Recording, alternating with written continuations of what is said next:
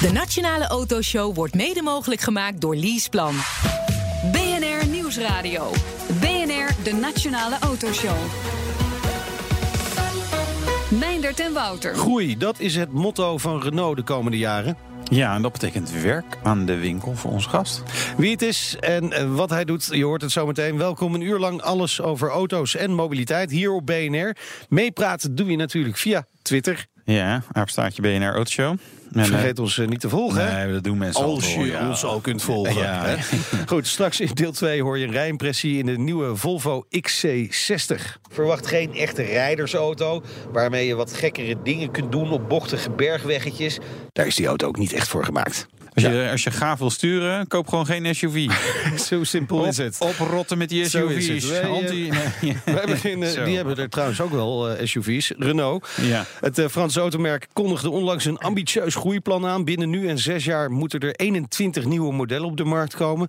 En dat moet resulteren in de verkoop van 5 miljoen auto's in 2022. 40% meer dan het nu is. Dat is best veel. Dat is eh, forse groei. Nou, Ja? Ja. dat moet ergens vandaan komen. Ja, en iemand die daar een hele belangrijke bijdrage aan gaat leveren, als het goed is, is Laurens van den Akker. Hij is Senior Vice President Corporate Design bij de groep Renault. En daarmee verantwoordelijk voor het ontwerp van eh, modellen bij Renault. Dacia, Alpine en Renault Samsung Motors. We gaan tutoyeren, dat hebben we afgesproken. Welkom, leuk dat je er bent. Deze uitzending is eerder opgenomen, want je geeft een Renault eh, Design Masterclass op het tijdstip dat wij uitzenden. Even dat rijtje van automerken, dat zijn er behoorlijk wat. Ik mis eentje eigenlijk. Lada. Ah, Is toch ook van jullie? eh, sinds kort is Lada ook van ons. En eh, daarmee komt hij ook in de familie van Renault terecht. Maar daar ben ik nog niet voor, nog, niet, voor, nog voor niet. verantwoordelijk. Oh, Oké. Wil je dat wel? Nou, het is altijd leuk om wat afwisseling te hebben in het leven. Ja, En, maar Lada is wel, ik vind dat ook wel iconisch Nou, merk. Ja, precies. En Lada Niva is toch Ja. een eh, icoon. En het geeft mij een mooie smoes om eh, Ja. Moskou weer eens te bezoeken. Dat is waar, ja. Heb je zelf al een icoon getekend? Nou, weet je, een icoon... Ja, dat is een lastige een, mooie, een mooie binnenkomende Ja, vraag. Is dat. je, wat, eh, ja, waar ben je het meest trots op is het dan eigenlijk? Nou, ik denk, ik denk een icoon teken je niet, een icoon wordt het. Ja. Weet je wel? En een icoon wordt beslist door de, door de klanten die hem, en de fans en de, de mensen Ja. die, die hem een icoon maken. Dat doe je niet zelf. Dat Nee. beslis je niet van tevoren. Heel veel auto's die iconen zijn geworden, daar dachten ze echt niet van. Toen ze Nou, we gaan nu eens een van- icoon Ja, precies. die Lada het zo nee. makkelijk was. ja, nee. Nou, die Lada kun je nog even links laten liggen. Daar eh, ga je misschien in de toekomst mee aan de slag. Toch heb je al genoeg merken om aandacht eh, aan te geven. Is, is dat niet lastig? Want we horen altijd, je moet focus hebben. Hangt een beetje vanaf. Als je jonge designer bent, dan is het heel wat om, om aan één auto te werken. Ja, ja, ja. Maar ik denk, soms helpt het ons eigenlijk wel. Want eh, bijvoorbeeld Renault en Dacia. Renault is meer Latijns. Dacia is meer Germanisch, zeg maar. Germanic, Ja. zo noemen we dat. Duits. En daarmee kunnen we eigenlijk zien wat we niet moeten doen. En daarmee creëren we twee merken die eh, een ander eh, veld bespreken. hoe zeg je dat? Eh, Bespelen, ja. bespelen. Ja. En dat is, eh, dan helpt het eigenlijk enorm. Welk merk is het meest uitdagend dan voor jou om, om, om mee bezig te zijn? Nou, ik denk in het begin was het natuurlijk Renault. Want Ja. Renault moest volledig opnieuw uitgevonden worden. Ja. En, eh, Ja, was het, was het zo'n drama? Viel het wel mee? Of, of, of, Nou, of, of moest het gewoon anders? toen ik kwam, eh, mijn voorganger heeft... Dus 2009 heeft- kwam je daar? Tweede heeft daar 22 jaar gezeten. Eh, Renault zat een beetje aan het eind van zijn Latijn op designgebied. Ja. En ze wilden toch wel echt een nieuw hoofdstuk openslaan. En eh, dus daar, ze waren bereid om eh, met een wit blad te beginnen. Dus dat is natuurlijk wel een enorme spannende uitdaging. Waar ik ook wel eens een nachtje niet van geslapen heb. ja, is dat echt letterlijk een nacht niet van geslapen? Eh, twee nachten. Twee nachten. ja, nee, en waarom lag je dan wakker? Wat maalde er door je hoofd? Nou, omdat, eh, kijk, in het begin als je binnenkomt als eh, buitenlandse ontwerper in een groot Frans bedrijf. En Ja. ze hebben op je zitten wachten een aantal jaren. Tot er, en dan denken ze nu, nu gebeurt er eindelijk wat. Ja. Nu, gaat er, nu gaan we het beleven. Ja. En je weet dat het een paar jaar gaat duren voordat je producten op de weg staan. Maar ondertussen ga je een team eh, van 500 man kijken naar je. En die zeggen van, hé hey Laurens, waar gaat het naartoe? Op dag één. En, ja. en dan zeg je niet van, geef me even een jaartje om, eh, Ja. om Frans te leren, de boel te leren Ja, kennen. even en jullie, eh, Ja. Weet je wel, die tijd heb je niet. Ja. Hoe heb je dat toen gedaan? Meteen op de perenkist staan? En, en, Ja, ik heb een maand eh, Frans geleerd, zeg maar. Ja. Een, eh, een soort crashcursus met, eh, met, eh, met, eh, met twee teachers. En daarna toch wel heel snel meteen geprobeerd de, de ziel van Renault te, te, te, te vinden. Want ze zijn heel goed geweest in de jaren negentig, weet je. Waren ze Formule 1 kampioen, ze hadden Ja. auto van het jaar, vrachtwagen van het jaar. Ze waren nummer 1 in sales zelfs. Dus en dat was eigenlijk de tijd van de voiture à vivre, weet je Ja. wel. De, de Twingo en de, en de Espas. Dus ik dacht van, eh, toen waren ze sterk. Dat moet ik weer zien te pakken, zeg maar. Ja. Dus ik wist dat het met iets met leven te maken had. En toen dacht ik van, nou, als het met leven is... dan begint het met verliefd worden. Zonder liefde geen leven. En toen dacht ik, nou, dan gaan we eerst eens een mooie sportwagen maken... om te laten zien dat we de schoonheid eigenlijk uit Frankrijk komt. Je bent begonnen met die sportwagen, maar die sportwagen is wel degene die het ook als aller, aller, aller, aller, aller, allerlaatste als productieauto eh, is gekomen. Ja, dat is het doel van een, eh, een, een conceptauto. Is om de Ja. mensen te laten dromen en om het bedrijf te laten dromen. Want een bedrijf Ja. dat geen dromen meer heeft, heeft geen toekomst. Weet Nee. je wel? Maar het is wel, het was wel een. eh, de Desir hebben we het over hier, de conceptauto.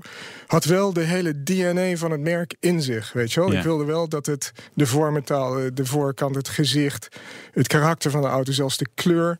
Heeft de Clio daarna enorm beïnvloed. En dat was natuurlijk een mooie start. Ja, je hebt het dan over de Circle of Life. Hè? Eh, de- zes concepten gebouwd in 2009 of na 2009. En dat ik, is dit. ik moet al dit- meteen aan de Lion King denken. Zit daar ook niet Circle of Life? Ik- ik- ik Hakuna zie ook. Matata. Laurens met zijn klein autootje boven op de berg. ja, zoiets. Nou, Frankrijk is een poëtisch land. Die vinden, een- houden, wel, houden wel van een mooi verhaal. En eh, ik ben ervan overtuigd dat het in een Duits bedrijf niet had gewerkt. Nee. Maar in Frankrijk kon ik daar mooi mee wegkomen. Maar Nederlanders zijn ook niet per se poëtisch, filosofisch. filosofisch. Of, of was je hier Amsterdam in geweest en met een klein zakje... waar je kwam je terug in Parijs om eh, geheel geïnspireerd? Nou, ik ben natuurlijk eh, de wereld over geweest. En, Ja. en een van de dingen die je leert als je in andere landen werkt... is om heel snel die cultuur te begrijpen. En heel Ja. snel proberen de essentie van een merk eh, en je begon met wijn drinken bij de lunch. Ja, maar dat helpt. Eh, Is dat serieus? Er- Ze drinken ze nog wijn bij de lunch? Of, ja, eh? nou, ze dronken nog wijn tijdens de lunch toen ik daar net aankwam. En eh, ik moet eerlijk zeggen, eh, de Titanic eh, is aan het zinken en wij zitten hier wijn te drinken. Dus eh, dat is, dat dacht, dus het eerste wat ik eruit gooi. Die, die lunch gingen- met wijn. Ze gingen allemaal aan de melk. Ja, en, dus, en toen zei ik dat tegen mijn eh, HR, tegen mijn eh, het HR-juffrouw. En die zei van, oh, we gaan jou even heel snel op een Franse cursus eh, sturen. Maar tuurlijk, Renault is Frans, Mhm. maar verkoopt wereldwijd auto's. Kun, je, kun je nog wel echt volledig Frans zijn in je design, je ontwerp? Nou, we hebben gezegd dat eh, de essentie van het Franse in Renault is het feit dat het een eh, merk is wat de mens centraal stelt. En dat het Fran- Frankrijk is een land wat verleidt. We moeten verleidelijk eruit zien. En Ja, daarom ja. zijn we onze auto's heel sensueel gaan maken en heel warm. Met mooie kleuren. Ik vind, ik vind toch dat het leven een stukje mooier moet worden. En ik denk dat als iemand een Franse auto koopt. Houdt hij ook van Frankrijk? En ik denk dat vers- dat is een verschil met veel Duitse merken. Iemand die een Duitse auto koopt, wil niet per se naar Duitsland op vakantie. Eh, nee. Maar iemand die Ja. een Franse auto Ik wil koopt, wel zeggen, graag heel door snel Duitsland, door kunnen door rijden. Duitsland Ja. heen rijden. Ja. Ja. Ah, het is een mooi land, Duitsland. Dat is, Zeker. maar dat is wel grappig, mooie gebieden. Ik heb ook in Duitsland gewoond Zeker. en met veel plezier. Ja. Je bent nu in acht jaar eigenlijk. Eh, Het is wel een heel herkenbaar gezicht wat je hebt geredeneerd voor Renault. Hè? Ja, dat was de, de- eigenlijk. Ik had drie vragen toen ik daar aankwam van het management. A. Maak mooie auto's. B. Zorg dat Renault en Dacia ieder zijn eigen universum hebben, zeg maar. Ja. En, en eh, C. Zorg dat je een eh, goed gezicht creëert voor het merk Renault. Ja. Nou, nou, ik denk als je nu terugkijkt over mooie auto's, nou, daar valt over te twisten. Maar de, de verkoop eh, gaat niet zo Helpen. slecht. Ja. ja, maar Peugeot heeft ook jarenlang goed verkocht in Nederland. Maar- die gekke eh, design dingen van ze. Oké, maar voor, voor ons is Nederland niet een representatief Nee, nee. voor de wereldmarkt. alhoewel we het in Nederland niet zo slecht doen. Maar B, Renault, Dacia, dat ziet er nu eh, echt eh, goed uit. En allebei de, de, de merken doen het goed. En, en eh, ik denk dat Renault nu een gezicht heeft. Ja, je, hebt het hele portfolio van Renault onder handen genomen. Hè? Van de Twingo tot de, eh, de Espas, ook de Coleos. Eigenlijk ben je klaar met ronde Ja. 1, zou je kunnen en als zeggen. slagroom op de taart eh, is eh, Alpine eh, Ja. komt eraan. Dus ik, Ja. ik denk dat we met enige tevredenheid terug kunnen Ja. kijken. Maar nu zijn eigenlijk alle modellen hebben een refresh Ja. gehad, zeg ik dat Ja, even. maar Dacia ook Behalve de? Kangoo. Behalve de Kangoo. Ja, dat kun je Ah. ook zien. Ja. Ja. ben je daar druk mee bezig? Ja, heel druk. Oh ja? Ik ben heel benieuwd wat er gaat komen. Maar begint er nu weer een nieuwe Circle of Life? Ja, we, hebben dat begonnen, we zijn dat begonnen met de Trésor. Weer in eh, Parijs tijdens Ja. de motorshow. En weer een verhaal over de liefde, maar dit keer niet liefde op het eerste gezicht. Maar eh, een koppel wat al een poosje bij elkaar is. En hij wil haar, of zij wil hem, eh, vragen verder in het leven door te gaan. Dus de auto opent zich eh, als een juwelendoosje. De Trésor is ook de schat die daarin zit. Ja. Het laat eigenlijk zien dat we qua exterieur doorgaan op deze sensuele weg. Maar vooral het interieur, dat wordt namelijk eh, waar de revolutie zich gaat plaatsvinden in de toekomst. Dat geeft heel erg een goede indicatie van wat je allemaal Ja. gaat eh, zien. Maar laten we bijvoorbeeld even de Clio als voorbeeld nemen. Hè. Eh, wat je bij veel merken ziet, een succesauto wordt niet al te veel aan aangepast. Want ja, je Ja. wil dat succes van de vorige Ja. wil je ook weer hebben. Eh, Clio, enorm succes. Ja. Wat gaat daaraan veranderd worden? Nou, dat dus. Niet zoveel. Ja, nou ja. Kijk, als je een auto hebt die nu nummer 2 is in Europa, Ja. Na de Golf, terwijl we nummer 5 waren, dan heb je iets te verliezen ook. Ja. Dus eh, we zitten eigenlijk in een soort eh, luxe situatie dat we proberen vast te houden wat we goed hebben gedaan en de rest te verbeteren. Ja. En als we dan echt eh voor de mensen die iets heel anders willen, nou dan doen we dat met een andere auto. Dat hoeft niet Ja, ja, per se ja. met de Clio. Nee, weet je wel? Kijk, de Clio heeft een grote stap gemaakt toen wij net begonnen in eh, 2012. Maar nu eh, doen we dat met een andere auto. Dat is prima. Zometeen kijken we naar het designproces zelf. Laurens van den Akker neemt ons mee zijn studio in. Hoe gaat hij te werk? Welke inspiratiebronnen gebruikt hij? Dat en veel meer. Je hoort het zometeen. BNR Nieuwsradio. BNR, de Nationale Autoshow. Zo dadelijk eh, meer met Laurens van den Akker. Eerst is het tijd voor het nieuwsoverzicht van deze week. Wouter, de nieuwe A7. Ja, typisch Audi, maar, Ja. maar dik hè? Heel dik, Ik, zou, ik, ik kijk die plaatjes dan eens even op Twitter, dat, dat, dat zegt genoeg. Ja, moet je gewoon even kijken, inderdaad. Over eh, de nieuwe. We hebben ook een nieuwe verkeersminister. Cora van Nieuwenhuizen. Ook van de VVD. Maar het belangrijkste is, is dat ze een LinkedIn-connectie is van eh, een Nout Broekhoff van de Nationale Autoshow. Dus ja, ik denk dat dat Nou. haar zeg maar, die credits heeft gegeven. en we verwachten ook, ook ja. dat ze snel hier langskomt. Ja. Is er ook Europarlementariër? Moeilijk woord trouwens, Europarlementariër. Valt wel mee hoor, Nee? Europarlementariër. Sinds 2014. Ja. en voorheen Kamerlid, ja, we, we weten eigenlijk eh, weinig van haar. Eh, Behalve dus dat ze een LinkedIn connectie is van is van Nout. Maar ze mag binnenkort langskomen. Dan zullen wij de mobiliteitsagenda even met haar doornemen. Ja, absoluut. Weet je wat ze wilde worden als kind? Nee. Beurshandelaar. Hey, de eerste auto van het eh, merk Polestar is eh, gepresenteerd. Deed mij ergens aan denken. Ja, dat dacht ik al. Hè. Die Volvo Concept Coupé Ja. uit 2013. Die vond ik onwijs gaaf toen. Ja, daar gleed iedereen eh, die shopte uit zijn broekje Ja. daarvan. Eh, ik ook. Vond ik echt, Ja. echt heel Moest mooi. er Eh, komen. Moest er komen. Maar het is dus een Polestar geworden. En Polestar is ja, een beetje het performance merk van Volvo. Bestaat alleen nog niet zo lang. Dus dat, dat is nog even... Een beetje helemaal- wat de AMG is voor Mercedes-Benz, Ja, is Polestar wel- voor Volvo. Hè? Ja, maar, ja maar, maar ze hebben nog maar eigenlijk één model gehad. Dus ze hebben nog wat, wat werk. Maar die Polestar 1, dat is dus het eerste model dat echt gewoon het merk Polestar op de BIPs eh, krijgt. Hybride aandrijflijn, eh 600 pk. Dus dat gaat in ieder Ja. geval eh, eh, lekker. Eh, het zou eigenlijk eerst de C90 worden. Hè? Dus Oké, eh, S90, V90, XC90 en dan een coupé C90. Dus dat was natuurlijk ook leuk geweest. Maar het wordt nu een Polestar. Ja, ik, ik, het is wel een heel gaaf apparaat. ik ben heel blij dat die komt. Ja, Ja. Ik, eh, ik ook. Dus. En, en je kunt hem een so- soort abonnement erop nemen. Dat is wel weer en het apart. aardige is, je hebt hem waarschijnlijk eerder als je hem bestelt dan de Tesla Model 3. Ja, het is Trouble in Paradise eh, bij meneer Musk. Eh, het ene na het andere artikel. En er is analist bij Fortune die zegt... nou, er worden dit jaar niet meer dan 3005 gemaakt. Nou, die- door die cijfer 5 aan het einde weet je ook dat dit een hele accurate schatting is. Eh, het is in ieder geval minder dan de geplande 80.000... eh, die, ja, die wilde Musk dit jaar nog Niet bouwen. zomaar minder. Hè? Nee, kijk, die- die- bij lange na niet wordt het gehaald. Nee, maar goed, die 80.000 gaan ze echt niet halen dit jaar. Dat geloof ik eh, eh, echt niet. Eh, Elon Musk geeft toeleveranciers de schuld. maar er- er er circuleren wel allerlei verhalen rondom die Model 3. Maar het Eh, is gewoon heel erg moeilijk om een auto voor de massa te maken. Ja, en alles daaromheen ook nog te regelen. Precies. Want weet je, eh, schadeherstel en eh, onderdelenleveringen, er, zi- er zitten allerlei eh, hiccups in die hele eh, supply chain. eh, waarvan ik eigenlijk had gedacht dat ze die inmiddels nu al een keer hadden opgelost met Model S en Ja. Model X. En nu gaan ze zeg maar een factor 5 eh, qua productie omhoog, willen ze. Het is een, een Ja. tough job. Tough job. Nou, goed nieuws wel eh, vanuit Formule 1-land voor eh, Max Verstappen in elk geval. Want Renault ligt maanden voor met de van de nieuwe motor voor komend Formule 1-seizoen. En het ontwerp van de auto zou ook al Ja, Heel ver zijn. Echt fantastisch. Ja, ik, ik, ja ik, dat vind ik, ik vind dit altijd zulke mooie berichten. Ik denk, ja, het zal wel. Zal wel. Ik, ja, ja, nee, ja, we zien. Ik zie het wel als ze gaan testen. Ja. Betrouwbaarheidsproblemen, die, die zouden ze hebben opgelost. Aan de andere kant, weet je, als je dan eh, ons Maxje weer eh, zag rijden, die deed dan weer prima. Hè? Dan hoor je mensen trouwens wat minder over. Nou, toch goed met die Renault-motor. Gaat lekker. Ja. Eh, maar, eh, klachten, klagen, dat willen ze wel graag. Ehm, ja, we, gaan we gaan het merken. Wintertest half februari 2018. Dan kan je misschien wat dingetjes afleiden.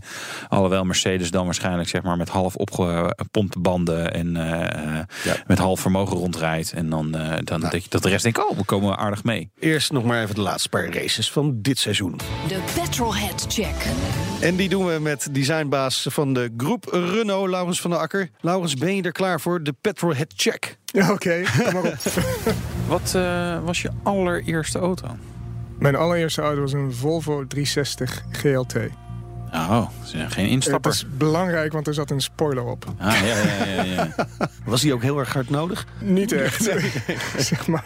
En wat Maar rij wel achterwielaandrijving. Kijk aan, dat Ja. is natuurlijk En altijd... eh, waar. aluminium wielen. Ah, dus, mooi. eh, En wat rij je zelf nu? ik rij nu in een Coleos. En ik rij in een Zoe en ik rij in een Oh. Talisman. Ja, je En kunt ik, alles eh, natuurlijk ja, gewoon ik- ik, rijden. heb natuurlijk een, eh, een, een mooie sleutel voor de garage. Dat is fijn. Wat is de lelijkste auto?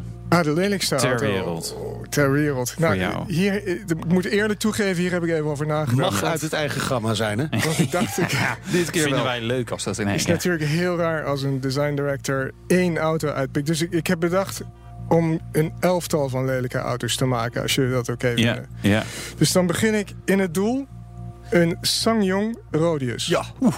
Dat dacht ik, die kan wel een aantal ballen tegenhouden. Dan, Eh, is die, eh, die is ook als SUV-coupé geweest. Dat is een trendsetter eigenlijk. dat is wel waar. hij Ja. was Ja. zijn tijd te ver vooruit. Ja. Ja, al uit, uit schrik renden mensen heel erg hard weg. Dan als laatste man Ford Scorpio. Kun je, dat kun je Ja, nog wel Die facelift. eh, Met die, met die walvisogen. ja, ja, ja. Een soort Ruud Krol, zeg maar. Dan eh, linksback Fiat Multipla. En rechtsback, een beetje een Berry van Aarle, BMW Z1 Coupé. Niet de Z1 Cabrio, Nee. maar de Nee. Coupé. Die had zo'n hele lelijke Ja. Coupé. En ik zeg het met excuses aan een van mijn beste vrienden, Adriaan van Hooydonk. Hoofddesigner van de BMW. Dan heb ik een Frans middenveld. Oh jee. Links midden Citroën Pluriel. Midden midden Peugeot 1007. Met die schuifdeur. Ja. Kun je Ja. dat nog Ja. herinneren? Ja. Pininfarina. Ja. Ja. Rechts midden Renault Modus. Oh. Ja. Dan spil een Aston Martin. Oh. Oh. Weet jullie welke? Ik weet niet of ik het goed uitspreek. De Signe. Dat kleine Oh, de lelijke- Signet. Ja, ja, dat is die, Oh, eh ja, maar dit is die Toyota smart. IQ, eh Of ja, Toyota IQ ja, verbaasd. Ja. Die kreeg je er gratis bij als je Ja, de andere Nou, precies. gaat. Het was 40.000 euro. Nee, maar dat was een belachelijk ding. Dat is een optie. Ja, dat is waar, ja. Wil je dan- leer of een extra auto? Ja. En dan in de aanval. Links buiten Toyota Prius. De nieuwe. ja. Niet de oude. Die vond ik nog wel... Oh, die- die- oh, ik, ik dacht dat hij misschien op de andere vleugel stond. Nee, nee, de nieuwe. En dan rechts buiten de Pontiac Aztec. Die Ja, ken je ja. natuurlijk wel. Ja, ja ook. En de spits, dat raden jullie nooit. Het is een Italiaan. Italiaan. Iets van Ferrari. Nee, Oh. Alfa. Alfa. Arna. Nee, de Oh. SC Zagato. Oh, echt waar? Die, dat monster. Dit monster, dat heet ook echt Il Monster. Het monster. Waarom is die dan... eh, Hij is zo lelijk dat, hij, dat hij mooi is. Ja, Ja, oh, precies, oké. ja. Oh, Nee, ja, dan daarom mag hij in de spits. Maar Hij als je er naar kijkt, daar klopt helemaal niks aan die auto. Maar hij is zo speciaal en zo exotisch en zo... dat hij voor mij de spits is. Zullen we naar het eindoordeel gaan? Ja, dat komt wel goed, hè? Uitmuntend. Ja, die konden we eigenlijk van tevoren ook wel eh, redelijk makkelijk eh, invullen. Dat was de Petrolhead Check met Laurens van den Akker. Geheel eigenwijs ingevuld. De designbaas van Groep Renault. Eh, je werkt natuurlijk voornamelijk in Parijs. Hè, de, de stad van het licht, de liefde, de mode. Ehm, hoe- hoeveel mensen heb je daar voor je werken? Zo'n 450 in Parijs. En dan nog een 100 mensen verdeeld over de rest van de wereld. Want we hebben ook een designstudio in Sao Paulo, in Boekarest, in Mumbai, in Chennai, in Seoul. En uh, over niet al te lange tijd waarschijnlijk ook een studio in China. En waarom is dat nodig? Om, om toch dat Franse gevoel ook te vertalen naar al die andere werelddelen? Nou, je, je wilt toch heel dicht bij je klanten zitten. Omdat niet ze hebben allemaal een andere background, uh, andere purchasing power noem je dat. Ze, ze hebben andere smaken en andere historie met je merk of in de, in de auto-industrie.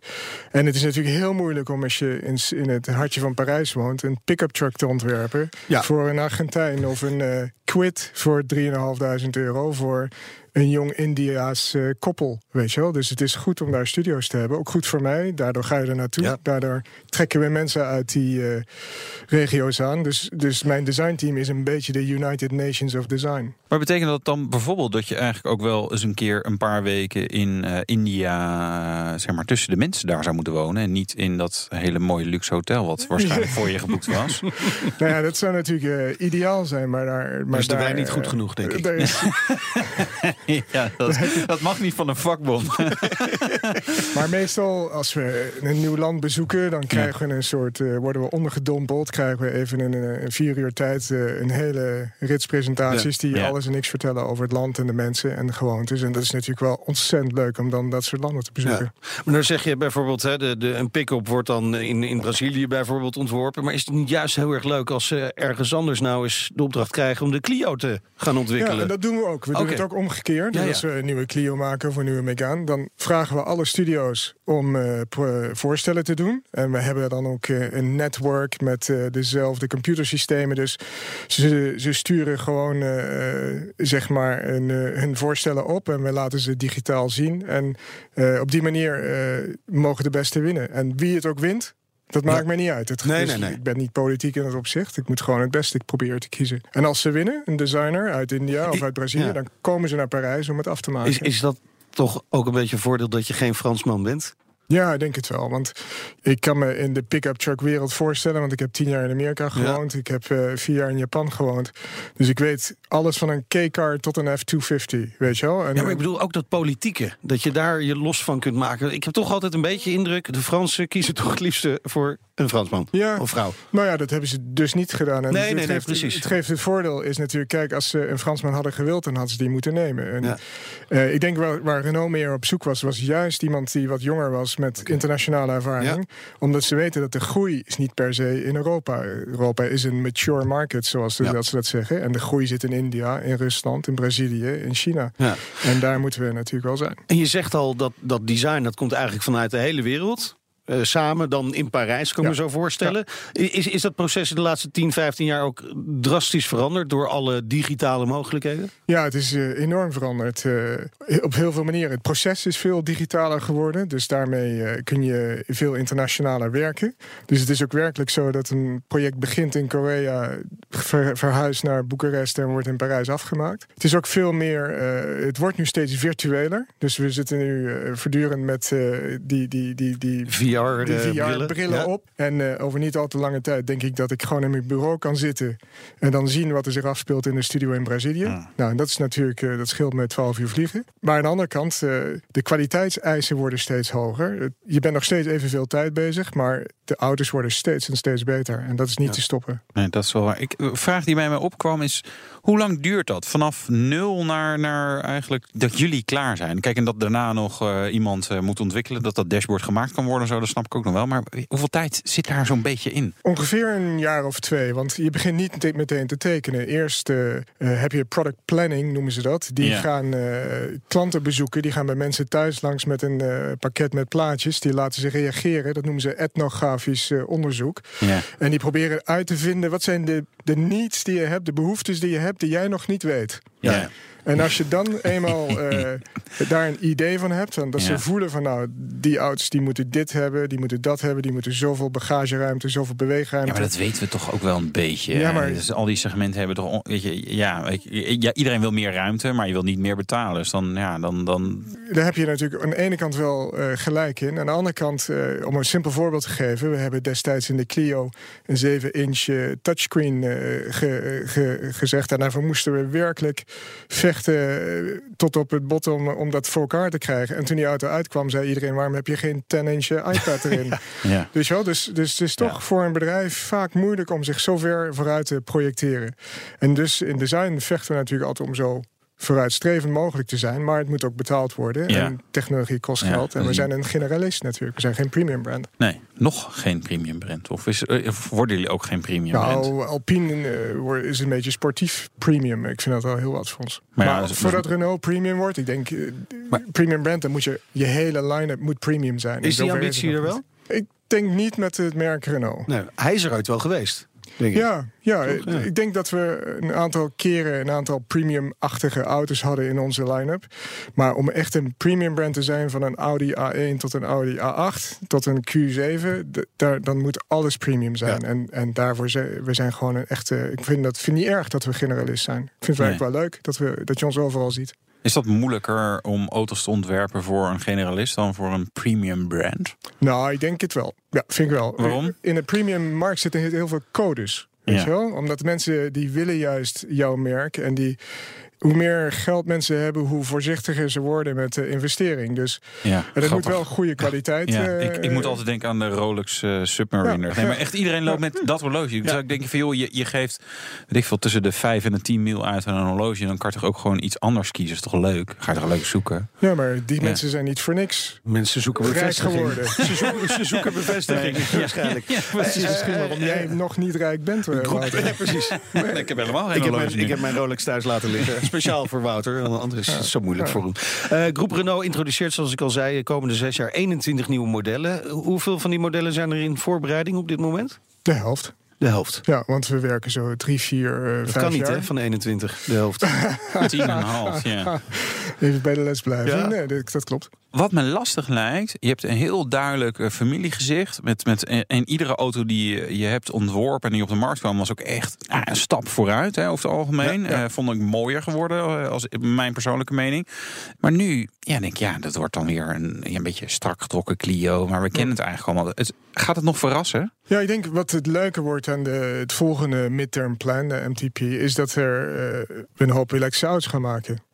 En dat gaan we niet doen op basis van bestaande auto's. Dat gaan we doen op basis van nieuwe platforms.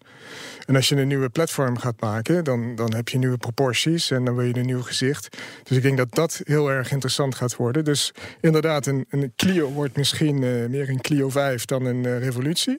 Ja. Maar eh, een volledig nieuwe elektrische auto, daar, daar zijn geen regels voor. Dus dat wordt natuurlijk super interessant. En we zien iedereen nog meer SUV's maken. Ja, dat is een trend die eh, daar kun je tegen vechten, maar dat heeft geen enkele zin. Het is een, eh, een groeimarkt. En het is ook zo, ik denk dat het verschil is. De eerste SUV's die uitkwamen waren truck-based, dus die Ja. waren heel zwaar, die, waren, eh, die, die, die vervuilden alles en dit en dat.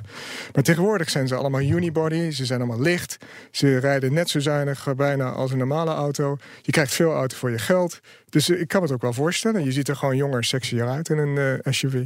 Zometeen eh, meer met Laurens van den Akker. Dan praten we met hem onder meer over veranderingen die op komst zijn. Zoals, nou ja, elektrisch rijden hebben we het al even over gehad. Maar ook autonoom rijden. Ja. En Kunnen ze dat eigenlijk al? Ah, daar kunnen we over discussiëren. En we kunnen ook discussiëren over het statement dat je er jong en sexy uitziet in een SUV. Want die kopers die ik in een SUV zie, die, nou ja. Heb je mij niet voorbij zien komen? Ja, ja, ik zag jou in de nieuwe XC60 en je zag er wel heel jong en sportief uit. Ja. De Nationale Autoshow wordt mede mogelijk gemaakt door Leaseplan. BNR Nieuwsradio. BNR, de Nationale Autoshow. Meindert en Wouter. Welkom terug. Straks rijden we in de Volvo XC60. Vergeet die oude maar. De nieuwe XC60 gaat echt wel een hoop stappen verder.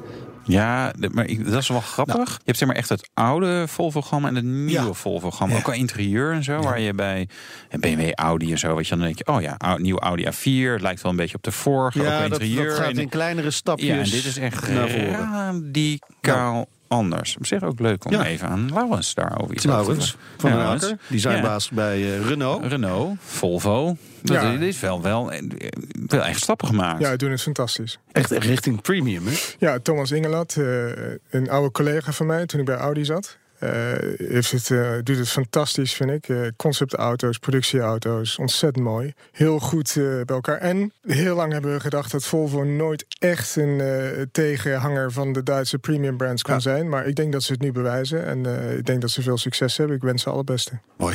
Heb je een vraag, wil je met ons meepraten? Kan natuurlijk via Twitter, het BNR Autoshow. Kun je ons proberen te volgen. Kan proberen, ja. Zo is dat. Onze gast Laurens van den Akker, de designbaas van Groep Renault. Hij is daar verantwoordelijk voor het ontwerp van auto's van de merken Renault, Dacia, Alpine en Renault Samsung Motors.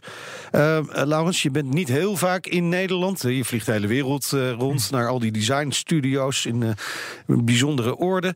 Maar daarom is het wel zo leuk en bijzonder dat we je nu wat langer kunnen spreken. je komt hier in Nederland voor de TU Delft, waar je ook gestudeerd hebt. Ja, klopt. Uh, voor twee redenen. We doen uh, een masterclass uh, op vrijdag in de TU Delft. Het is natuurlijk voor mij ontzettend leuk om weer eens terug te gaan en mijn roots ja. te zien. School is natuurlijk, de TU is enorm veranderd. Het heet nu Industrial Design Engineering, geleid door Ena Wouten, de dean. De school gaat uitstekend, heb ik het idee. En ze hebben ook een masteropleiding in automotive design. Dus ze ontvangen me graag en ik ga er graag naartoe. Ja, en de, de Symbios. Ja, en ik kom natuurlijk niet alleen. Want, nee, eh, je neemt mensen komen natuurlijk niet om naar mij te komen kijken. Ze willen eh, een aantal van die auto's zien die we meebrengen. Dus als je daar bent, dan uh, zie je de Renault Trésor en de Renault Symbios. En dat is natuurlijk uh, ons statement voor de toekomst. Ja. Nou komen er heel veel autodesigners van de TU Delft. jijzelf, maar Adriaan van Hooijdonk, die heeft er natuurlijk ook gestudeerd. Er zijn er wel meer te noemen. Wat maakt die opleiding zo speciaal dat al die designers in die automotive sector het zo goed doen? Ja, dat is een goede vraag. Daar hebben we het zelf ook wel eens met elkaar over. Kijk, we zijn natuurlijk geen autoland. Hè? We hebben geen eigen auto-industrie meer. En ik denk dat dat bijna een voordeel is. Want dat wil zeggen dat als je een passie hebt voor de auto... dan moet je het land uit en je moet je een plekje veroveren. En je moet harder knokken dan je, je buurman die, die, die uit de buurt van Parijs komt. Ik denk dat we goed onze talen spreken. En, en Nederland is toch wel een designland. Nederland is, heeft helemaal bijna geen echte natuur meer. Alles in Nederland wat je ziet is ontworpen. Tot en met de kanalen en de zee toe, weet je wel. dus ik denk dat we opgegroeid zijn in, in een designcultuur. En we hebben ook de goede mentaliteit voor een groot bedrijf. We spreken onze talen, we hebben een eigen mening. Dat, dat, dat van die talen, hè? ik sprak afgelopen zomer een, een, een Belg en toen zei ik ook, ja, wij spreken onze talen. Die begon heel hard te lachen. Oh ja? Die zei, ja, jullie denken dat jullie de talen spreken. Maar dat is echt, jullie Frans is horrible. Ja, we spreken natuurlijk op zijn Hollands, maar...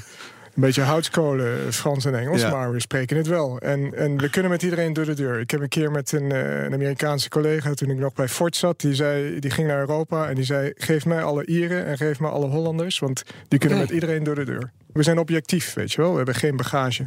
Kijk, tussen de Fransen, de Engelsen, de Duitsers en de Fransen, de Fransen en de Italianen, daar, er zit altijd wel een beetje historie. En, en, daar zijn we mooi tussen de, tussendoor geglipt. nou zijn er natuurlijk veel studenten die, die ongetwijfeld ook uh, meeluisteren. Die willen, die willen uiteindelijk daar komen waar jij bent. Wat voor advies zou je ze geven? Ik wilde gewoon auto's tekenen. ik wilde gewoon, ik wilde zeg maar het equivalent van een, een, een, voetbal, een, een goal scoren, weet je wel. Ja. Ik wilde gewoon een auto tekenen en dat kunnen en daar mooie modellen van maken. En uiteindelijk in mijn eigen auto naar huis rijden. Wat is er gaver dan dat, weet je wel? Als ik vanuit Parijs naar Nederland rijd... dan kom ik weer langs de oude fabriek bij Volvo Trucks... waar ik mijn afstudeeropdracht heb gedaan. En uh, dan toeter ik altijd eventjes, weet je wel? dat was je afstudeerproject, hè? Geloof ik? Ja, een uh, cabine voor een, uh, een, een, vrachtwagen. Ja, ja. En ik wilde, Wat uh, kan je daar nou aan ontwerpen? Want dat is toch ruimtemaximalisatie op, op uh, nou, die paar vierkante meter die je hebt. Ja, maar dat is natuurlijk design. Design is geen kunst, weet je wel. We zijn niet om, uh, om een, een, mooi plaatje te maken. Alles wat we doen, wat we maken, moet werken. Ja. Maar ik denk voor mijn advies aan de jonge ontwerpers is... A, je moet passie hebben. B, je moet goed kunnen tekenen en goed kunnen schetsen. Want je communiceert eigenlijk met je werk. Het is een heel eerlijk vak, design. Je hoeft niet de taal te spreken. Wij hebben designers uit 30 landen. Ik heb een Mongoolse designer uit Rusland. Die spreken sommigen geen woord Engels, maar zijn schetsen zijn fantastisch. En daarom ja. huren we ze.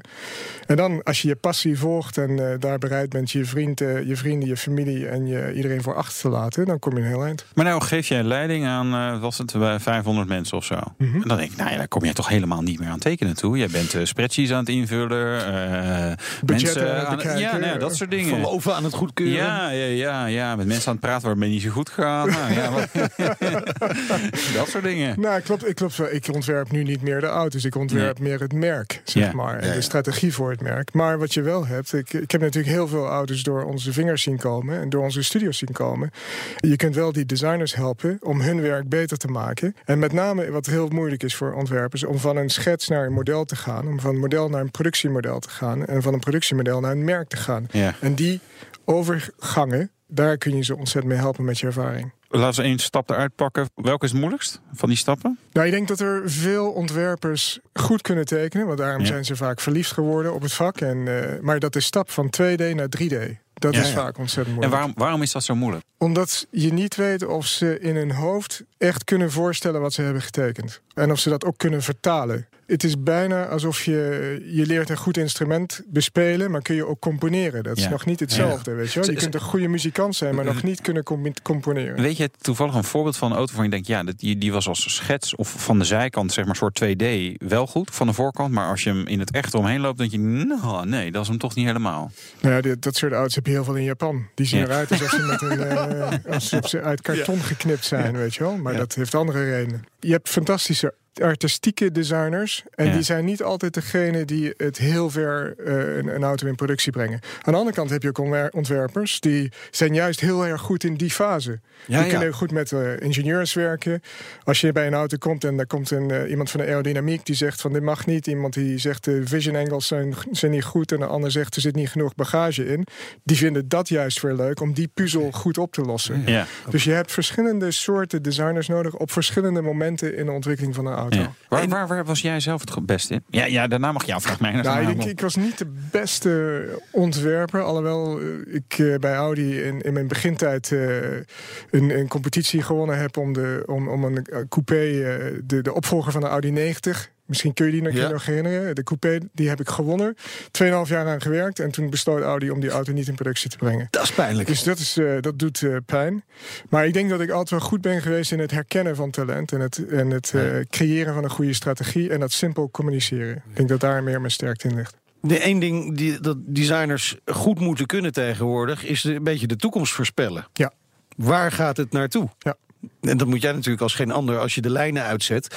Waar gaat het naartoe? Wat, wat is de belangrijkste ontwikkeling eh, wat jou betreft eh, voor eh, autodesign? Maar dat is heel eenvoudig. Alle auto's worden meer elektrisch, meer Mhm. autonoom en meer connected. En dat is natuurlijk heel interessant. is ook die combinatie van die drie dingen. Kijk, je wilt tijd teruggeven aan je klanten. Want je autorijden, ik vind het heel onwijs leuk. Maar als ik in een file sta, dan kan ik best wel iets anders doen. En ik, Ja. ik geef toe. eh, gelukkig wordt dit niet opgenomen. Ik kijk ook wel eens naar mijn sms eh, terwijl ik rij. En eh, hoe heet het?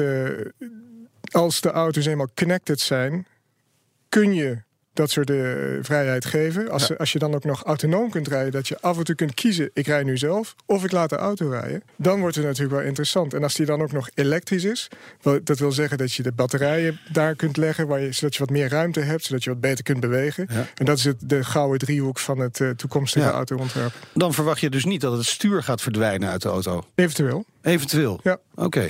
En dat gaat dan waarschijnlijk in fases. Je krijgt waarschijnlijk twee soorten auto's die je zelf rijdt nog. En de auto's waarin je überhaupt niet meer rijdt. En dat noem je dan echt de robotaxis. Daar heb je misschien ook wel dat, eens van dat- Maar dat zijn meer de deelauto's dan, kan ik me en- voorstellen. En, en dan komen ook de, de, degenen die nog een auto bezitten. En je krijgt dadelijk mobility services. Weet je wel? Dat je niet meer zelf eh, de auto bezit. En dat je er gewoon gebruik van maakt. Dus oh, met, met al dat soort dingen maakt dat het een super interessante tijd is. En dat we een enorme revolutie, eh, kleine revolutie. ja, maar voor die, voor die robotaxis is design dan nog wel belangrijk? Ja, eh, kijk, het eerste im- imago wat je krijgt als je robotaxi hoort is een wasmachine op wielen. Ja. Wouter. Ja, Ja. ja. het is- ik, ik zit denken, ja, een tram of een trein. Ja, Maakt het wat ja, uit of die er gaaf het- uitziet of niet? Dat heeft dus geen enkele eh, In ieder geval aantrekkingskracht. geen persoonlijke Precies. Nou, en, drive. en dat is dus een uitstekend uitgangspunt voor een designer. Om te denken van hoe kunnen wij in godsnaam zorgen dat als jij morgen een robotaxi hiervoor ziet rijden bij Café Dauphine. Hoe kun je die zo maken dat je daarin wil springen en niet in je eigen auto? Op een gegeven moment zijn het allemaal robotaxis. En dan, mm, ja, dan maakt het niet meer uit. Dan wil je gewoon degene die het goedkoopste en het, het snelst voor de deur staat. Ja, ik denk, ik denk dat er een markt komt voor hele goedkope robotaxis... die snel en eh, goedkoop zijn, et cetera. Maar ik denk dat als we gaan naar een industrie... waar je per kilometer mobiliteit kunt kopen, dan kun je ook even 10 kilometer in een Tresor eh, kopen. Zometeen gaan we het hebben over de plannen van Laurens van der Akker met Alpine. En we gaan het natuurlijk ook heel even over die toekomstvisie hebben met de Symbiose. BNR Nieuwsradio. BNR, de Nationale Autoshow. We gaan rijden. De rijimpressie. Ja, Meijnerd die zocht uit of de Volvo XC60 meer is dan alleen maar een gekrompen XC90. Volvo is zijn gamma in hoog tempo aan het vernieuwen. En dan kun je zeggen, haastige spoed is zelden goed. Maar dat geldt vooralsnog niet voor het Zweedse merk. Wat het uiterlijk betreft dan, want met de eerste hybride XC90's waren nog wel wat technische probleempjes hier en daar. Maar wat betreft het design is Volvo echt wel naar een hoger niveau gegaan met de 90-serie. En nu moet dat dus ook gaan gebeuren met de 60 en de 40-serie. En als eerste is de XC60 aan de beurt. Gelijk een ongelooflijk belangrijke auto voor Volvo. De vorige generatie heeft het geweldig gedaan in de verkoopcijfers dan. Wereldwijd was hij nauwelijks aan te slepen. En in Nederland was de auto marktleider in zijn segment. Nou is dat niet zo heel erg gek, want voor een SUV is hij toch nog heel beschaafd. Hè? Het is een Volvo en de prijs was ook een stukje lager dan bij de Duitse concurrenten. Lekker Nederlands dus. Nou, de nieuwe XC60 gaat echt wel een hoop stappen verder. Was ook wel nodig. Want de vorige generatie was echt in rap tempo aan het verouderen. Zeker als je dat vergelijkt met de concurrentie. En die is behoorlijk hevig in dit segment. Denk maar even aan de Audi Q5, Mercedes GLC, BMW X3. Maar ja, tegenwoordig dus ook de Jaguar F-Pace, Alfa Romeo Stelvio, Lexus NX. Ja, dan moet je dus van goede huizen komen. Nou, op het eerste gezicht lijkt dat wel redelijk goed te zitten. Hij is duidelijk familie van de grotere 90-broer, maar hij heeft toch wel een eigen karakter. hij is wat lager, waardoor hij wat minder log overkomt. Tegelijkertijd maken die 21-inch wielen en de forse nieuwe Volvo-grill hem wel weer stoer genoeg voor een SUV. En de auto is ook groter, ruimer geworden dan de vorige. Interieur dat kennen we van de 90-serie, maar het blijft toch wel bijzonder om te zien welke stappen Volvo daar heeft gemaakt. Hè? Grote scherm voor de navigatie en entertainment, digitale klokken, gebruikte materialen. Het is allemaal echt dik voor elkaar. Nou, de XC60 staat op hetzelfde SPA-platform als de XC90. En dat geeft hem een prima comfortabele rij-eigenschappen eigenlijk. Verwacht geen echte rijdersauto waarmee je wat gekkere dingen kunt doen op bochtige bergweggetjes. Dan merk je toch al snel dat de auto daar niet echt voor gebouwd is en een beetje over zijn voorwielen heen gaat. Maar dat is ook niet wat uh, Volvo van plan was met de XC60. Veiligheid is natuurlijk wel altijd in het plan van Volvo. Wat was daar ook alweer de missie? Geen doden of zwaar gewonden meer in of rond een Volvo, een nieuwe Volvo in 2020. Nou, met die nieuwe XC60 maken ze wel weer een aantal stappen in die richting. Pilot Assist, zeg maar de autonoom rijden functie van de Zweden, is weer een stuk beter geworden. Werkt goed op de snelweg en in de glooiende bochten. Maar snellere bochten die zijn echt nog wel een uitdaging voor de XC90. En verder is de autobreak standaard. Net als het systeem dat de auto naar de eigen baan terugstuurt bij dreiging van een botsing. Nou, die andere belofte van Volvo is natuurlijk dat er in de toekomst elke auto een elektrische aandrijving aan boord heeft. Dat is nu nog niet het geval. Dit is de T5, 4-cilinder benzine, 254 pk. Prima. Wil je meer? Nou, dan kun je voor de T6 met 325 pk gaan. Of de plug-in hybride T8 met 400 pk. Die is nog goedkoper ook, dus misschien wel de slimmere keus. Nou, wil je dieselen? Dat kan ook nog altijd. Er is een D5 met 235 pk en een D4 met 190 pk. Later volgen er ook nog andere modellen met voorwielaandrijving en minder pk. Nou, de prijsbewuste Nederlander zal daar misschien nog wel even op wachten. Want echt goedkoper zijn de Volvo's er niet op geworden. De instapper doet net geen 60.000 euro. Maar ja, hoog instappen, dat past dan wel weer bij een SUV, toch? Ja, de Volvo XC60, hoge instap, uh, ook voor je portemonnee dus. Ja, je had een T6 hè, bij je. T5. T5. Je moet eigenlijk gewoon een T8, want die valt eigenlijk wel weer mee. Ja, die, vergeleken met de T6 in ieder geval wel, ja. Ja, ja. Nee, maar dat, dan heb je gewoon een 400 plus uh, pk nice. voor 70 mil. Uh, ja. ja, en als je nog wat opties gaat doen, wordt het wel duurder. Ik vind hem wel mooi. Ik het is ook. wel echt een stap inderdaad. Ja, en echt, echt wel premium. Ja, maar dat prijskaartje is, is misschien inderdaad ook wel Ja, ja, ja, echt ja, premium. ja, ja. Komen we bij het eindoordeel, wat mij betreft. Leuke auto. Voor Wilfred Gené. Ja, dat is ook een Volvo-rijder. Ja, precies. Maar die houdt meer van eh, sedans. Ja, is ze er- misschien ook eens overstappen. Ja. Want hij wil ook jong en sexy blijven, toch? Ja, goed. ja, zou je denken. BNR Nieuwsradio. BNR, de Nationale Autoshow. We praten verder met Laurens van den Akker. Hij is de designbaas van groep eh, Renault. Verantwoordelijk voor het ontwerp van auto's bij eh, de merken Renault, Dacia, Renault Samsung Motors en Alpine. Eerst maar eens even naar die symbio's. Want die staat toch wel voor de toekomstvisie van Renault. Waar merken we dat aan? Als morgen auto's meer autonoom, elektrisch en connected zijn, wat ga je er dan in godsnaam mee doen? Want als je al die nieuwe technologie hebt, wil je niet dat je daar bang van wordt. En we zijn nou, als je auto elektrisch is, kun je hem binnen parkeren. Dat is natuurlijk ontzettend handig. Want een van de vervelendste dingen die ik doe iedere dag is eh, 200 meter lopen naar min 3 in een donkere parkeergarage om mijn auto te halen. Als die auto connected is, kun je, als je thuis aankomt, gaan de gordijnen open, de muziek verandert, de lichten gaan aan automatisch en kunnen Ja. die dingen met elkaar praten. Dat noem je de Internet of Things. En als die auto autonoom is, kan die zichzelf parkeren. En dat lieten we zien met de Symbio's in het huis wat Ja. we daarvoor hebben ontworpen, op het terras. Maar dan wordt het een soort tuinbank. Wij zeggen geen tuinbank. We zeggen het wordt een soort extensie van je huis, wordt het dan. En Ja. dus wordt het een extra kamer die, eh je gebruikt. Ja. de buitenlounge. Want een auto wordt maar 7% van de tijd gebruikt eigenlijk Ja. om in te rijden. Het is Ja. vaak een plek waarin je veel ouders met hun kinderen een, een keer een normaal gesprek voeren. Ja. Het is een plek waar je naar muziek kunt luisteren. Het is een plek waar je even terug kan trekken. eh, Nou ja, waar- dat Ja. ten opzichte van die robotaxis. Hè. Het is een auto toch vaak waar je al in thuis bent. Ja. Op het moment dat je wegrijdt van je werk Ja. of, of, waar dan Ja. ook vandaan. Je bent al thuis een beetje. Ja, het is een home away from home. Ja. Noem je dat zo mooi. En, Maar dat is een robotaxi straks niet. nee, Dus gaan we dat echt doen?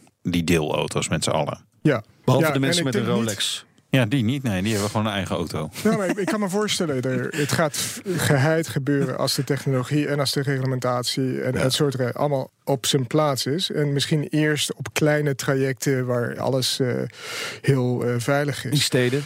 In steden. En het gaat met name gebeuren in het eh, bedrijfswagens. Je hebt waarschijnlijk een chauffeur en die heeft meerdere wagonnetjes die die achter zich aantrekt, die zelf hun weg kunnen vinden. En die dan als een soort traffic controller dat regelt. Het gaat natuurlijk ook gebeuren met, een, eh, met, met gewoon publiek transport.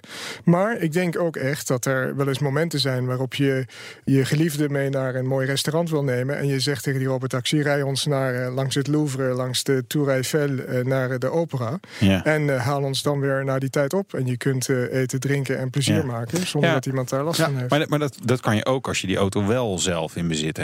Ja, maar ik denk dat er een soort eh, waar de robotaxi, de mensen die daarmee bezig zijn, nou, waar die natuurlijk op uit zijn, is dat het Ja. eh, goedkoper wordt om geen auto te hebben Ja. dan om het wel te bezitten. En Ja. dat is natuurlijk wel heel interessant. Ja, maar ja, het is 200 euro per maand heb je eh, private lease. eh, vast ook wel een, eh, een Twingo. Ik weet niet wat. Maar nee, nee, nee, ja, voor dat geld, dat maakt het niet uit. Dan wil je hem toch gewoon zelf hebben. Maar robotaxis is niet alleen voor jou en mij. Het is ook voor eh, ouderen die niet meer kunnen rijden. Ja, of nee, voor mogen die is wel Het is ook voor, ja. ook voor jongeren. Hey, zullen we de auto voor ons eens even gaan behandelen? Ja, Alpine. Ja, terugkeer van Alpine. Eindelijk, hij is er. We weten dat jij altijd in ieder geval groot fan bent geweest... Hè, van Ja. het toch wel roemruchte eh, Ja. merk. Wel- Welke rol heb jij gespeeld bij de terugkeer ervan? Nou, we hebben hem ontworpen. Ja, oké, maar heb je ook gewoon doorgedrukt? Ja, kijk, ik wist natuurlijk... eh, Je moet je voorstellen, Alpine is zo'n mythisch merk... waar iedereen eh, van af weet. Maar het werd bijna zo laat dat de mensen die er nog vanaf wisten... eh, niet meer kunnen rijden, bij wijze van Ja. spreken. Ja. Maar je moet je voorstellen, toen ik in Net 2000... op tijd voor ja. Freulich. Ja, ja. Maar ik kan je vertellen, toen ik in 2009 mijn allereerste interview had met een eh, Franse journalist. En zijn eerste vraag Ja. ging over Alpine. Ja. Dus zo sterk leeft het.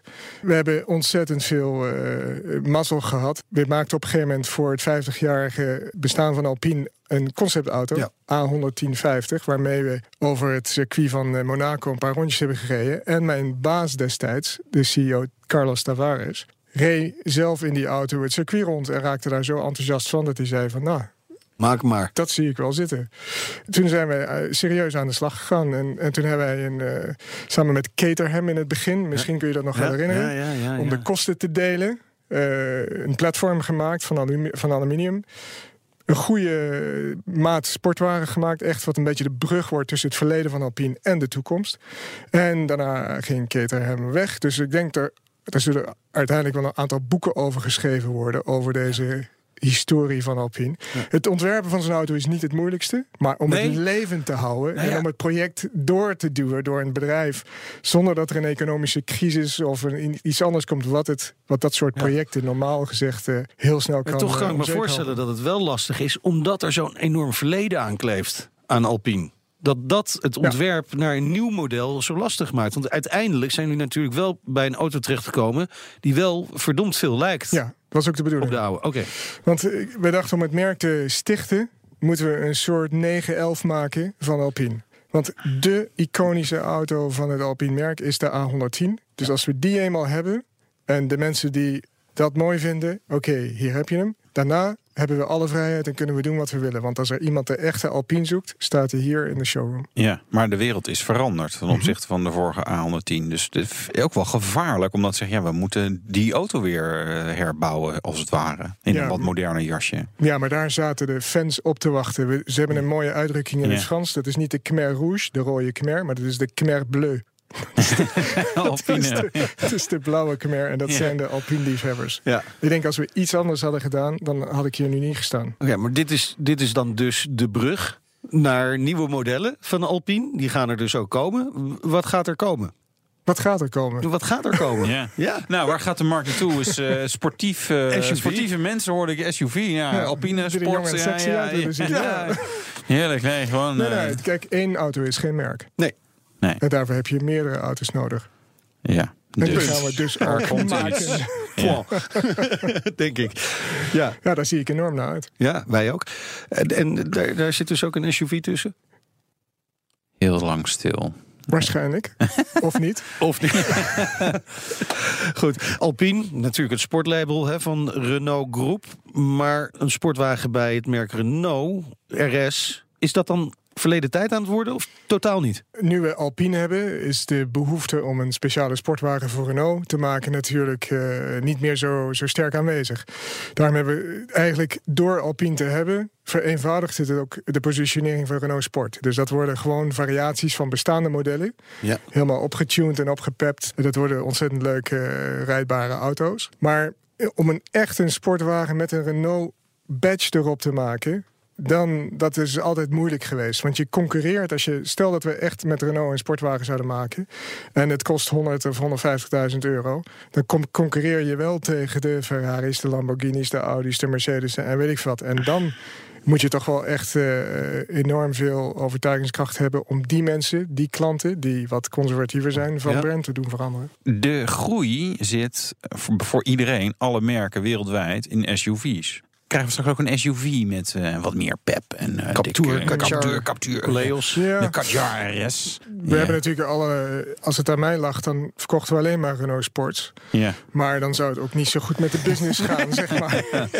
nee, ja. Maar we moeten eerst, denk ik, onze fundamenten weer goed in, eh, op de plaats hebben. Want Ja. eh, jullie weten allemaal dat eh, Renault Sport moet er niet alleen mooi uitzien, maar hij moet vooral fantastisch rijden. En dat was meer het geval met de Clio 3 RS dan met de Clio 4 RS. En daar zijn we nu bezig natuurlijk om dat eh, te fixen. En de Megane RS, eh, de huidige Megane RS, heeft een goede reputatie. Ja. dus we Ja, moeten dat eerst maar eens eh, bewijzen. Dus ik denk, we moeten met een beetje geduld. Ik wil graag dat jullie maar in rijden. En dan, en dan praten we verder. Tot slot, Renault was een enorme uitdaging hè, voor je toen je precies acht jaar geleden begon. Is dit het merk waar je ook met pensioen gaat? Nou, dat ligt niet eh, helemaal aan mij. Eh, Je hebt ook nog wel even te gaan. ja, ik, ben, eh, ik, heb, ik heb nog een aantal jaar voor de boeg. En zolang we mooie dingen maken, eh, vind ik het fantastisch. Kijk, het is in de begintijd van een design direct is vaak het moeilijkste. Want je, je, je, je moet drie jaar door voordat je producten zichtbaar zijn. En je moet weer een nieuw team. Dus om dat nog een keer bij een ander bedrijf te doen, dat, dat zou ik, eh, daar zie ik niet ontzettend naar op te wachten. En waarom niet gewoon door op die positieve dynamiek waarin we zitten en daar nog wat gave dingen voor maken? Dat doe ik liever. Dank voor je komst naar de studio. Veel succes de komende tijd. We zijn heel benieuwd naar wat er allemaal uit de design studio's van Renault eh, gaat komen. Laurens van den Akker, designbaas van de groep Renault. Wouter, volgende week Ja, aandacht voor de Tokyo Motor Show. Ja, veel nieuws van de Japanse merken. Ook weer veel auto's die alleen maar in Japan uh, verkrijgbaar zullen zijn. En dat is soms maar prettig ook. ja, het is niet allemaal even fraai of relevant voor ons. Maar soms wel grappig om over te hebben. tot die tijd kan je ons volgen. Twitter, Facebook, Instagram. Uitzending downloaden, podcast, Spotify in de BNR-app. En je kan ook nog mailen met autoshow.bnr.nl. De Nationale Autoshow wordt mede mogelijk gemaakt door Leaseplan.